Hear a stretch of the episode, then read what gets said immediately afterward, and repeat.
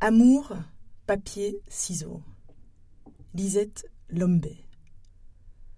À la télévision, en conférence de presse, les responsables des chemins de fer avaient promis qu'ils déploieraient tous les moyens à leur disposition pour remettre le réseau en marche dans les plus brefs délais. Et ils tinrent parole.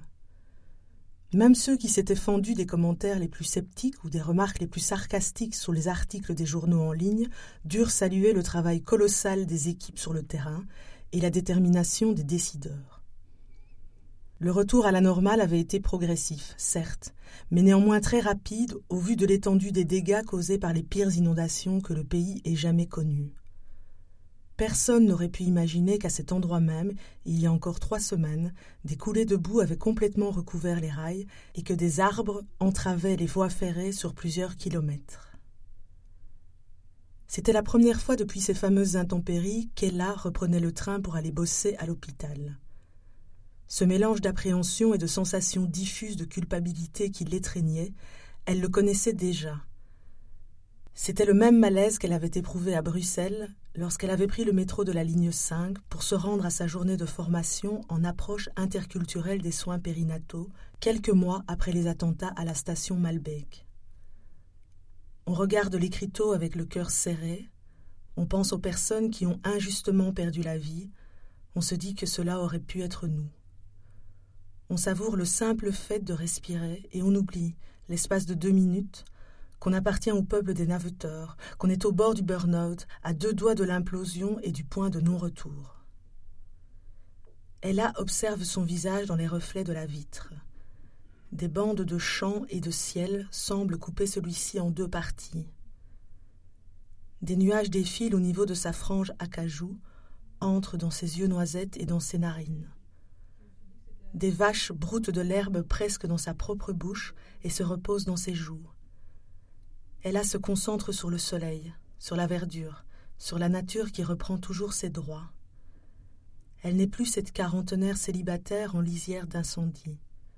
Elle n'est plus cette infirmière exténuée.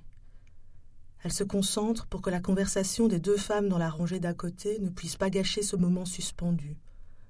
Que les mots apocalypse, détresse et désolation restent des mots prononcés sous des masques que ces mots ne deviennent pas des personnes et des maisons dévastées, que ces mots ne franchissent pas l'allée centrale et ne viennent pas lui perforer la poitrine. Et là est paysage apaisé, bocage, beau temps, mouvement rassurant. Elle n'est plus ce personnel soignant sans figure, sans famille. Elle est assise dans ce train.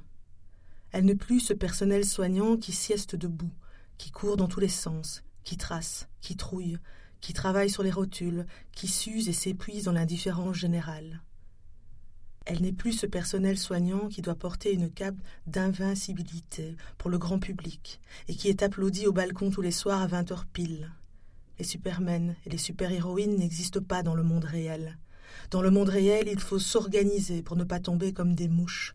Il faut s'entraider, se soutenir, s'arranger sans cesse entre collègues pour les horaires, s'ajuster, pallier aux absences des autres.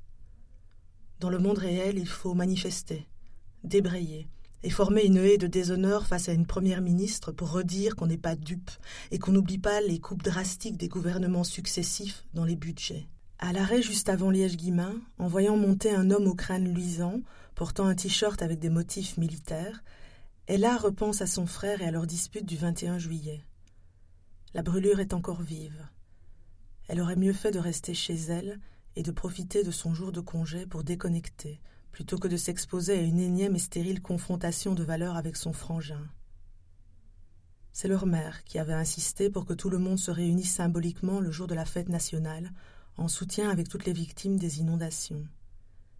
Et comme d'habitude, leur père n'avait rien trouvé à redire aux lubies de sa femme. Ella pensait qu'il aurait été plus utile de se retrousser les manches et d'aller donner un coup de main dans l'un des cendres-têtes aux sinistrés mais elle était tellement claquée que ce repas de famille était aussi une excuse pour ne pas devoir troquer ses sabots d'hôpitaux pour des bottes, une raclette et un seau. Le clash était comme écrit d'avance, et c'était d'ailleurs très étonnant que le frère et la sœur n'en soient pas déjà venus aux mains bien avant cela. Ella se disait féministe, Son frère, lui, défendait une virilité musclée, de plus en plus menacée par des groupuscules d'hystériques mal baisés et des lobbies gays. Ella prenait l'ouverture et la diversité. Son frère la retoquait avec condescendance. Selon lui, sa sœur traînait trop avec des bobos et des bisounours qui lui lavaient le cerveau avec leurs bobards de poste 68 arts. Non, la Belgique ne pouvait pas accueillir toute la misère du monde. Et non, ce n'était pas du racisme de dire tout ça. Ella cherchait sans cesse la nuance et tentait d'appréhender la complexité des événements. Lui vivait dans un monde divisé entre deux clans bien distincts et irréconciliables, les bons et les méchants. Dans sa tête à lui, c'était blanc ou noir, et celui qui n'était pas content pouvait dégager et rentrer dans son pays. Ce soir-là, vers 21 heures, s'était engagé entre eux un ping-pong d'arguments et de contre-arguments. Contrairement aux précédentes prises de bec, personne n'avait accepté de mettre de l'eau dans son vin, et l'escalade verbale avait pris des proportions telles qu'elle était devenue inarrêtable. Ella ne pouvait pas accepter que son frère associe les personnes sans papier, en grève de la faim dans l'église du béguinage, à des parasites, et leurs revendications de régularisation à un odieux chantage. Comment était-ce possible ce degré zéro d'empathie et un tel ramassis de stéréotypes? Après cette dispute qui lui avait fait quitter la table et claquer la porte de chez ses parents, Ella avait décidé qu'elle botterait systématiquement en touche, désormais, chaque fois que des questions politiques se glisseraient à nouveau dans les conversations familiales.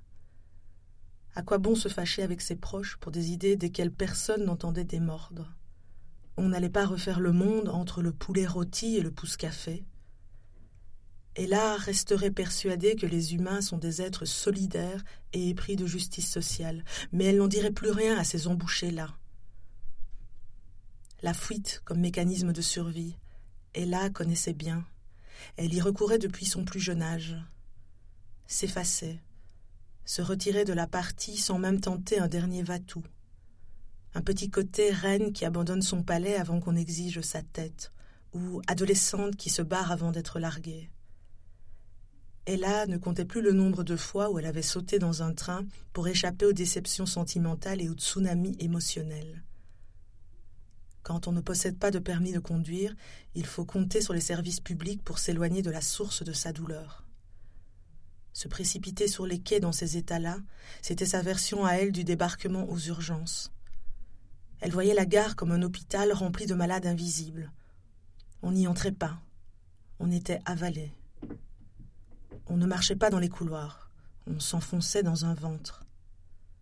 On ne prenait pas l'ascenseur, on était recraché d'étage en étage. Il fallait des flèches au sol et des numéros au-dessus des têtes pour ne pas se perdre dans ces panses de verre et de métal. Train pour Ostende, enfuir le chagrin d'amour sous le sable, train pour Bruxelles, échapper au microcosme namurois, croiser d'autres tronches que celles des ex, anonymat de la capitale, extravagance des nuits et frasques sans peur des lendemains. Train pour Anvers, fauve de zoo, cage, pelage, frotté, barreau, tourné en rond, chômage technique. Train pour Paris, compteur à zéro, grossesse non désirée, épaules de porcelaine, poids lourd de la maternité. Train pour Amé, barbecue, manque de confiance, poésie qu'on n'ose pas partager en public, qu'on garde pour soi. Train pour Cours Saint-Étienne, train pour Rochefort, train pour Charleroi, train pour Ninove, train pour Jean Blou, train pour Asselt, train pour Bruges, pour Rivage, pour Dinan, pour Gand, pour Hâte, pour Si. Respiration entravée. Appel de la nature ou de la ville, mais appel d'un ailleurs, un ailleurs sans miroir, sans obligation de devoir se regarder en face sans obligation de se rendre des comptes à soi-même. Juste réserver une place dans une auberge de jeunesse, juste se laisser balloter dans le wagon comme un bébé dans le ventre de sa mère. Ronronnement, bruit du dehors étouffé, protection du roulis, destination connue, destinée inconnue. Comme ce fameux train pour Blankenberg après l'échec de sa session d'examen en médecine. À cette époque, il n'y avait pas encore de numerus clausus et les bourses étaient faciles à obtenir. Ella allait sauver des vies. Elle ne se contenterait pas d'ouvrir un cabinet et de voir grossir sa patientèle. Elle allait aller à la rencontre des plus nécessiteux, dans les rues, dans les quartiers sensibles, dans les pays en guerre, partout où on manquait de soins élémentaires. Elle ferait tout pour contrer un monde à deux vitesses. Médecine à deux vitesses, justice à deux vitesses, enseignement à deux vitesses, culture à deux vitesses. Le désenchantement allait cependant rapidement remplacer l'élan initial. Plus les syllabus s'empileraient sur son bureau, plus les lacunes passées sous le radar durant les études secondaires allaient se faire jour. La matière à digérer était démesurée, et on devait l'ingurgiter en souhaitant que son voisin ou sa voisine de travaux pratiques craque avant soi. C'était la loi de la jungle. Et pour Ella, pas de papa docteur, pas de tonton docteur, pas de copine fille de papa docteur. Dans l'anonymat des amphithéâtres, elle avait vite compris que les beaux idéaux ne suffisent pas sans réseau et sans héritage. Le bateau avait pris l'eau dès l'hiver, mais elle ne voulait tellement pas décevoir les espoirs que ses parents avaient placés en elle qu'elle avait continué de faire croire à ces derniers que tout roulait pour elle. Le SMS qui annonçait qu'elle avait raté son année, elle l'avait envoyé peu après avoir quitté la gare de Bruxelles Midi. Le laconisme de la réponse de ses parents avait été un indicateur de leur totale incompréhension. Très peu de mots avaient été échangés. À son retour de Blankenberg, on n'était pas revenu sur le mensonge. Il était entendu qu'Ella ne recommencerait pas son année et qu'elle s'inscrirait en école d'infirmière. Contrairement à son père, qui rêvait d'une première diplômée universitaire dans la famille, Ella ne s'était pas sentie diminuer en se réorientant. Infirmière ou médecin, c'était la même couleur de blouse, le même blanc. Du blanc partout à l'hôpital, du blanc partout à l'horizon comme un avertissement placardé du sol au plafond, comme une ritournelle entêtante, comme une peau blafarde éclairée au néon. Il faut des dizaines et des dizaines de petites mains pour maintenir tout ce blanc en l'état. Il faut de la domesticité, sinon la crasse reprend très vite le dessus. Il faut une blanchisserie dans les sous-sols pour que ça blinque là-haut, et une cohorte d'astiqueuses méticuleuses qu'on rebaptise techniciennes de surface, comme on cache la poussière sous le tapis. Du blanc partout, blanc comme un drap de lit, blanc comme un sac mortuaire, blanc comme un membre de la famille qui ne comprend rien aux mesures Covid, blanc comme pas d'au revoir, du blanc partout. Le blanc, c'est beau, c'est pur, c'est signe que tout va bien. On ne questionne pas une personne qui s'habille en blanc. On ne s'inquiète pas de ce qui a changé en elle sous tout ce blanc, depuis le confinement. On ne s'inquiète pas de ce qui se délite sous les scaphandres de papier, de qui subsiste au cœur des poupées gigognes sous tout ce blanc. Le blanc aveugle, le blanc rassure. Aujourd'hui, Ella ne se presse pas à la sortie du train. Elle se laisse bousculer par ceux et par celles qui espèrent encore arriver à l'heure sur leur lieu de travail. Pour la première fois depuis son engagement à l'hôpital, elle s'en fout de rater son bus. Elle s'en fout de sa correspondance, de manquer à l'appel et de mettre à mal l'organisation de son équipe. Elle a l'impression de surplomber la mêlée, de flotter au-dessus de la mélasse. Qu'est-ce qu'elle va dire à cette jeune femme positive au Covid? Qu'elle devra garder son masque pour accoucher de son premier enfant? Qu'elle devra garder son masque tout le temps du pot à pot? Que ce n'est pas de sa faute? Que ce n'est de la faute de personne? Ou que le soleil du premier regard vaut tout l'or de demain et que ce regard-là, aucun protocole ne pourra le restreindre? Et qu'est-ce qu'elle va dire à ce bébé? Bébé, ne regarde pas tout ce bordel autour de toi, toutes ces tentacules, tous ces tuyaux, tous ces masques de peste. Si on s'affaire, si on se couvre, c'est pour ton bien. Bébé, n'écoute pas le brouhaha de nos nouvelles peurs. Il nous appartiendra de les apprivoiser sans te les faire porter. Essaye de ne pas oublier trop vite la douceur du liquide de la vie. Le ventre dans lequel on grandit est plus vaste que le monde. Bébé, tu nous demandes d'être à la hauteur de cette beauté et de cette profondeur-là. Ta nudité ne doit pas nous faire croire que tu n'as jamais voyagé. Tu viens de loin. Ton tour de crâne n'est pas la mesure de tout. Bébé, sans cette primale chaleur, elle sera ton bouclier de demain. Ella pourrait continuer à parler longtemps à ce bébé dans ce langage-là. Elle est douée pour les mots.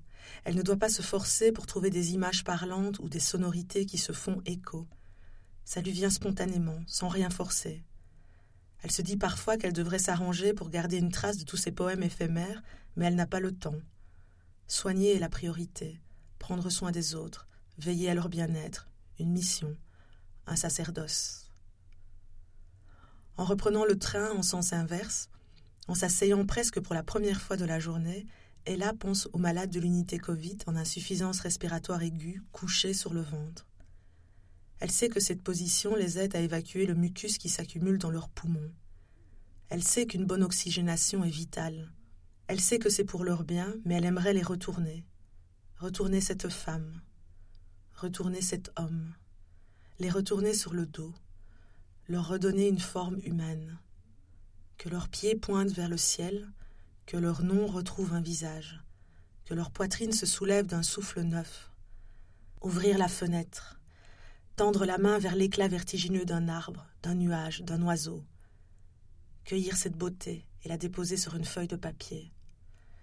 Du blanc partout, mais aussi de la poésie partout.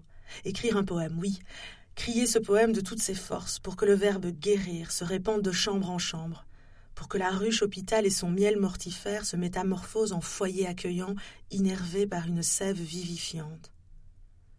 Et pourquoi donc cette poésie ne pourrait-elle pas l'emporter sur le blanc? Pourquoi cette poésie ne serait-elle pas un remède plus efficace à nos maux que tous ces appareillages, que toutes ces médicamentations? Pourquoi les êtres sensibles devraient-ils se mettre en boule face à l'adversité? Pourquoi devraient-ils prendre la fuite? Pourquoi les êtres sensibles ne feraient-ils pas barrage de tout leur corps, de tout leur poids de poètes, de tout leur cœur contre les injustices? Pourquoi la loi du plus fort? Pourquoi la parole du dominant? Pourquoi la valeur économique? Pourquoi le poids du lobby? Pourquoi l'action spectaculaire et les coups d'éclat?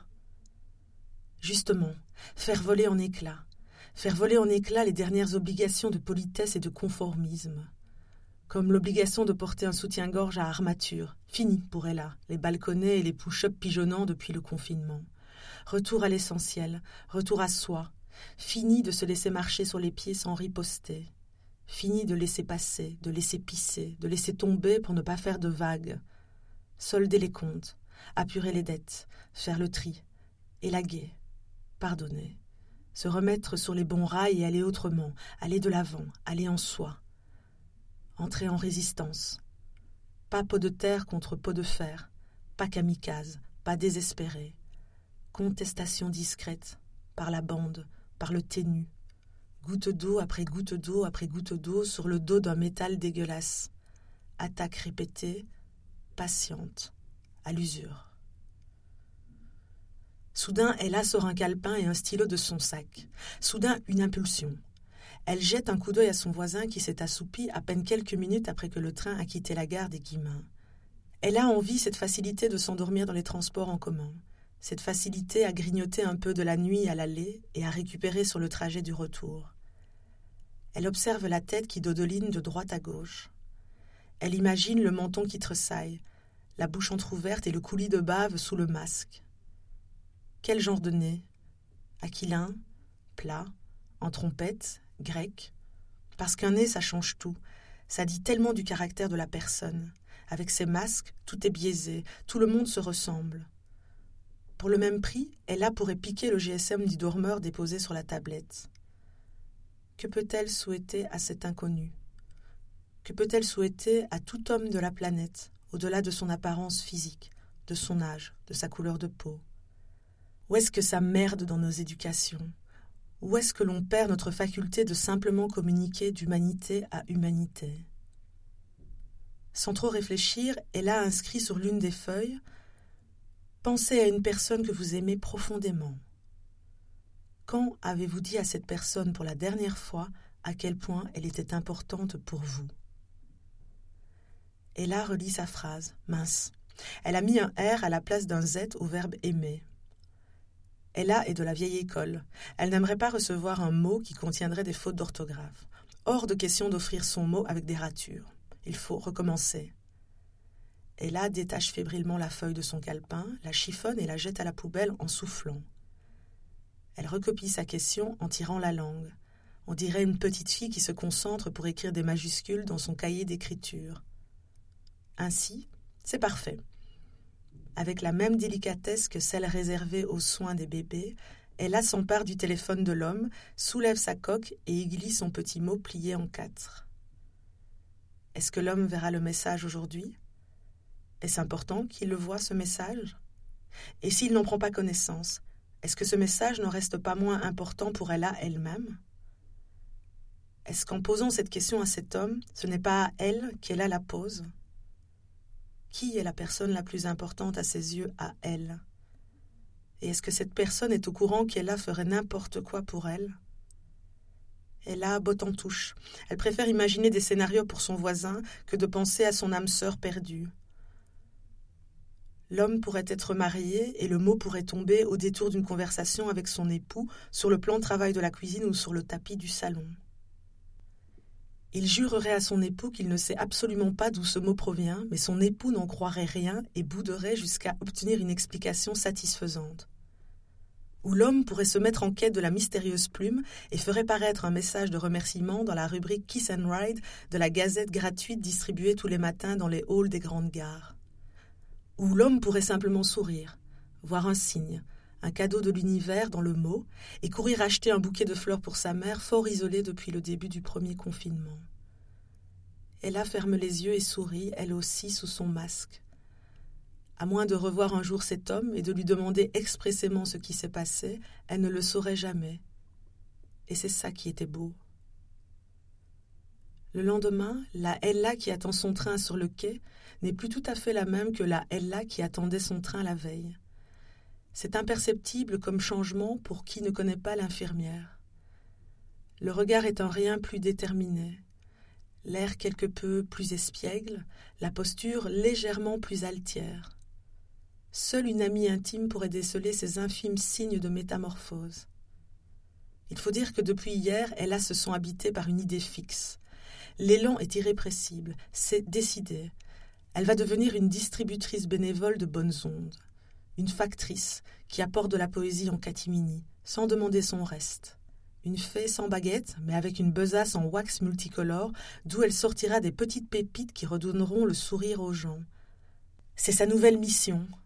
Et si elle la pouvait prendre le temps de mettre des mots plus précis, sur cette force qui l'a poussée à veiller toute la nuit pour peaufiner sa phrase et à trouver des variantes à celle-ci, peut-être comparerait-elle cette force à un phénomène étrange mais bien connu dans les hôpitaux. Quoi qu'il arrive dans les murs et dans le monde, rien ne peut y empêcher l'appel du rituel. Les guirlandes fleurissent à Noël, au dedans comme au dehors. Les bougies se soufflent pour les vivants et les morts. On croise des collègues déguisés, on lève des coupes de mousseux, on trinque en coupant le son de la souffrance. On parvient toujours à débrancher le goutte à goutte de l'immonde. Rien ne peut endiguer le besoin de l'autre. Rien ne peut interdire d'ajouter deux chaises et une rallonge à une table. La salle de repos devient une piste de danse, et sur la piste de danse, un couple d'infirmières qui swing à mille lieues durant trois minutes trente des chiffres d'hospitalisation et de mort de la presse du lendemain. Au cœur de cette nuit, elle a été comme ce couple d'infirmières. Tandis qu'elle planchait sur ses petits mots, par deux fois, la lumière bleutée des gyrophares d'une ambulance avait pénétré dans son salon par les rideaux entrebâillés, mais elle n'y avait pas prêté attention. La seule urgence était d'écrire, et le balai muet qui d'ordinaire la faisait se précipiter à son balcon semblait cette fois-ci se jouer à guichet fermé. Sous son masque, Ella se dit qu'il faudrait désormais compter avec elle dans le rang des rebelles du quotidien. Elle n'avait jamais été très fan de la métaphore des colibris qui, unissant leurs forces respectives, pourraient influencer la marche du monde. Cette image ne lui parlait qu'à moitié. Elle avait l'impression que cette manière d'appréhender les injustices occultait les responsabilités à un niveau structurel. Mais là, sur ce quai, Ella se sent pousser des ailes. Elle n'a pas réfléchi à une stratégie bien définie. Elle a opté, dans un premier temps, pour un essaimage aléatoire plutôt qu'une distribution systématique. Elle déposera un petit mot, tiré au hasard, par-ci, par-là. Comme les jeunes femmes qui déposent des paquets de mouchoirs sur les tablettes des nafteurs le matin entre les gares de Bruxelles Nord, Bruxelles Centrale et Bruxelles Midi. Elle profitera du brouhaha et du mouvement à l'approche des arrêts. Elle se lèvera, déposera un petit mot sur un siège, puis sur un autre, et continuera sa route vers la sortie comme si de rien n'était. Si quelqu'un devait la héler en lui faisant remarquer qu'elle avait perdu un papier, elle feindrait la distraction. Durant tout le trajet, elle a sans son cœur battre la chamade dans ses tempes. Ce n'est pas comme si elle s'apprêtait à commettre un délit, à taguer la porte des toilettes ou à apposer un autocollant avec un slogan militant sur la vitre. Rien de répréhensible à distribuer des questions, des citations ou des aphorismes aux gens, mais un drôle de nœud lui serrait tout de même la gorge. Le risque n'était pas de se faire prendre en flagrant délit de détérioration de biens publics, mais en flagrant délit de gentillesse. Ce qui pouvait être abîmé, ce n'était pas des biens matériels, mais la distance, le silence, l'indifférence entre des êtres entassés comme des bestiaux dans un wagon. Sur papier, cela avait l'air très simple. Mais à l'approche de Liège-Saint-Lambert, Ella se mit à trembler et à transpirer. Elle se leva, souffla un bon coup et lâcha, plus qu'elle ne déposa, à vrai dire, son premier petit mot sur une banquette vide. Dans la cohue des heures de pointe, personne ne remarqua cette femme qui apportait sa touche de poésie au monde. Dans le bus non plus d'ailleurs.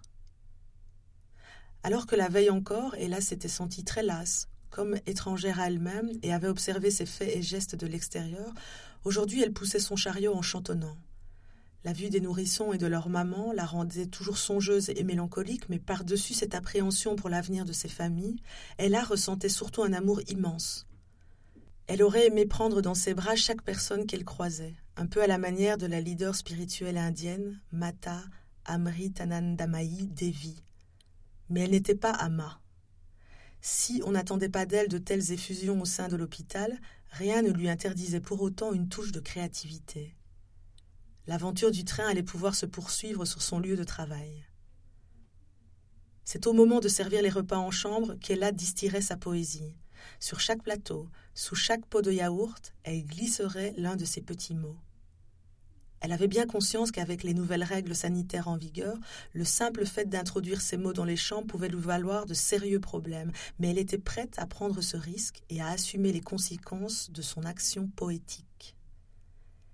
Il y avait urgence à réintroduire de la douceur dans tous les services de l'hôpital. Dans son aile, avec tous ses nourrissons, la délicatesse affleurait de partout, mais du côté de la gériatrie ou de la psychiatrie, c'était autre chose. Elle allait devoir élaborer un plan plus vaste, plus ambitieux, elle le sentait. Cette entreprise de réenchantement devait concerner plus de monde. Cela ne pouvait pas être le fait que d'individus isolés qui œuvrent pour d'autres individus isolés. Lorsqu'Ella revint de sa pause, elle capta tout de suite une effervescence inhabituelle dans les couloirs. Trois mamans avaient fait savoir à ses collègues qu'elles désiraient rencontrer et remercier la personne qui était à l'origine de ces petits mots. Elle était ravie d'entendre que son initiative avait touché et provoqué des échanges. On n'allait pas tarder, par recoupement, à découvrir que c'était elle l'instigatrice de tout ça, mais pour le moment, Ella savourait les compliments de ses mamans. À refaire, elle personnaliserait encore plus le message et commencerait par À part votre magnifique bébé, quelle autre personne aimez-vous profondément? La deuxième partie du message resterait identique. Quand avez-vous dit à cette personne pour la dernière fois à quel point elle était importante pour vous? Demain, elle soignerait encore plus l'intention. Chaque destinataire devrait se sentir unique, dans un dialogue particulier et singulier. Pour cette maman qui lui avait demandé de lui lire le message à haute voix en rougissant parce qu'elle était analphabète, elle a redoublerait d'efforts pour que la langue ne soit plus un frein pour personne. Il lui faudrait traduire en un langage universel, accessible à tout le monde, absolument tout le monde, sans personne sur le carreau, traduire ce souffle poétique. À quoi bon un message non lu, un message non reçu? À quoi bon une poésie qui ne voyage pas, qui prend la poussière? À quoi bon un message non lu, un message non reçu? À quoi bon une poésie qui ne voyage pas, qui prend la poussière dans de vieux bouquins, une poésie incomprise, qui ne bouleverse pas, qui ne transforme pas les âmes? À quoi bon une poésie qui ne nourrit pas au quotidien, qui n'aide pas à grandir, qui n'empêche pas de reculer, qui n'illumine pas les routes et qui n'éclaire pas le futur? À quoi bon une poésie qui ne permet pas de patienter lorsque le train précédent a été annulé? Elle a zigzag sur le quai entre les gens qui pestent contre la multiplication des incidents sur la ligne dans ce sens-ci depuis les inondations. La distanciation sociale à l'heure de pointe, on oublie. Les politiques devraient venir faire un petit tour par ici pour se rendre compte de ce que vivent les citoyens et citoyennes lambda. Il ne s'agit pas juste de mémoriser le prix d'un pain ou d'un ticket de métro fissa fissa à la veille d'un débat pour comprendre le peuple. C'est le troisième train annulé en quinze jours. D'habitude, Ella aurait fulminé contre la société de chemin de fer et opiné du chef lorsque d'autres nafteurs auraient évoqué une interpellation de la société de protection des consommateurs. Marre de cette prise d'otage récurrente, marre de tout ce temps perdu alors qu'on doit encore faire des courses avant de rentrer chez soi. On se tient au chaud dans la colère. Ella continuait de flotter et de se tenir à distance de ses réactions habituelles. Elle sortit son sac en wax multicolore. À l'intérieur, il lui restait une vingtaine de petits papiers qu'elle entendait bien distribuer en attendant l'arrivée du prochain train. Fini aussi de se cacher, d'agir dans l'ombre. Elle s'approcha d'une femme, puis d'une autre, puis encore d'une autre. Elle tendit à chacune un petit papier. Elle observa comment la méfiance laissait place à l'incrédulité et la surprise à un sourire. Deux merci fusèrent dans son dos. L'important c'était que ça fasse du bien aux gens, pas qu'on la congratule. Peut-être que si son amie chamane avait été présente, elle lui aurait indiqué la présence de silhouettes de personnes aimées et défuntes convoquées sur le quai. Mais Ella ne croyait pas aux anges. Elle avait besoin de concret, de tangible, ce qu'elle guettait, elle, c'était le retroussement des lèvres, la marque de contentement sur le visage, le regard qui s'éclaire. Lorsque le train arrive enfin, Ella se laisse bousculer. Elle n'a pas envie de lutter pour gagner le droit de s'asseoir après sa journée de travail. Elle n'a pas envie de jouer des épaules ou de feindre d'être une frêle créature pour que le tapis rouge de la galanterie se déploie devant elle. Elle recule. Elle s'éloigne de cette entrée qui devient de plus en plus minuscule. Elle sait qu'elle est sur le fil, que son corps lui envoie des signaux de décompensation depuis deux jours. Elle peut vriller à n'importe quel moment. Elle a beau romantiser les décisions prises récemment, elle ne peut pas ignorer se trouver sur une pente glissante. La dispute avec son frère était déjà une déclaration de guerre contre elle-même.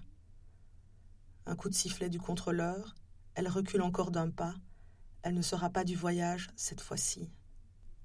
Elle reprend le chemin en sens inverse avance dans la galerie marchande et entre dans une librairie. Elle a besoin de magazines, pas avec des photos qui viennent ajouter de la pression à la pression, pas avec des corps jeunes en maillot de pièces, pas avec des injonctions à retrouver la ligne avant la plage, pas avec des sujets de société plombants, des prévisions catastrophistes pour l'avenir, des rapports scientifiques et des chiffres.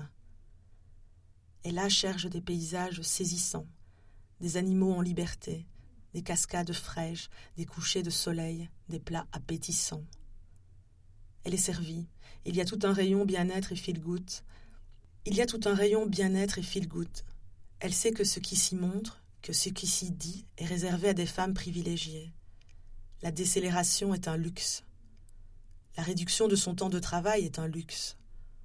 La frugalité choisie est un luxe. La réorientation professionnelle quand on a des diplômes est un luxe. Le couple heureux, avec enfants, maison, vacances et animal de compagnie, est un luxe. Elle, la célibataire, la nullipare, la précaire, la bien en chair, qu'a-t-elle à répondre à ces idéaux sur papier glacé? Rien, là, maintenant. Elle a embarque une dizaine de magazines, trois tubes de colle aussi. Son sac pèse. Dans le train, en repensant à cette maman de l'hôpital qui ne savait pas lire, a arraché des feuilles action robotique, déchirer du beau, déchirer du rêve, aucun mot, aucun texte, que du visuel, que des histoires qui se passent de blabla. Elle en fera des collages en format carte postal. Ces collages, elle les essaimera, elle les offrira à des amis, des amies, elle les glissera entre deux livres à la bibliothèque, entre deux boîtes de cassoulet au supermarché. Chaque personne qui trouvera un poème image pourra s'en emparer comme bon lui semble, y injecter ce qui lui paraîtra juste.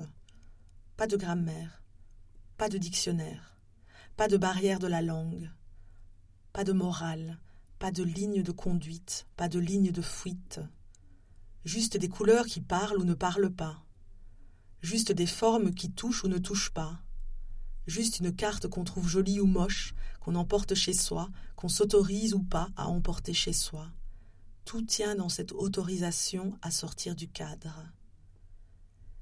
Ella repense à ce fameux train pour Blankenberg. Elle y repense quotidiennement. Cela aussi, c'est un signe. Elle était jeune, mais elle était déjà fatiguée. À l'époque, on ne parlait pas encore de burn-out étudiant, ni de burn-out parental d'ailleurs. C'était déjà ça, sans le savoir.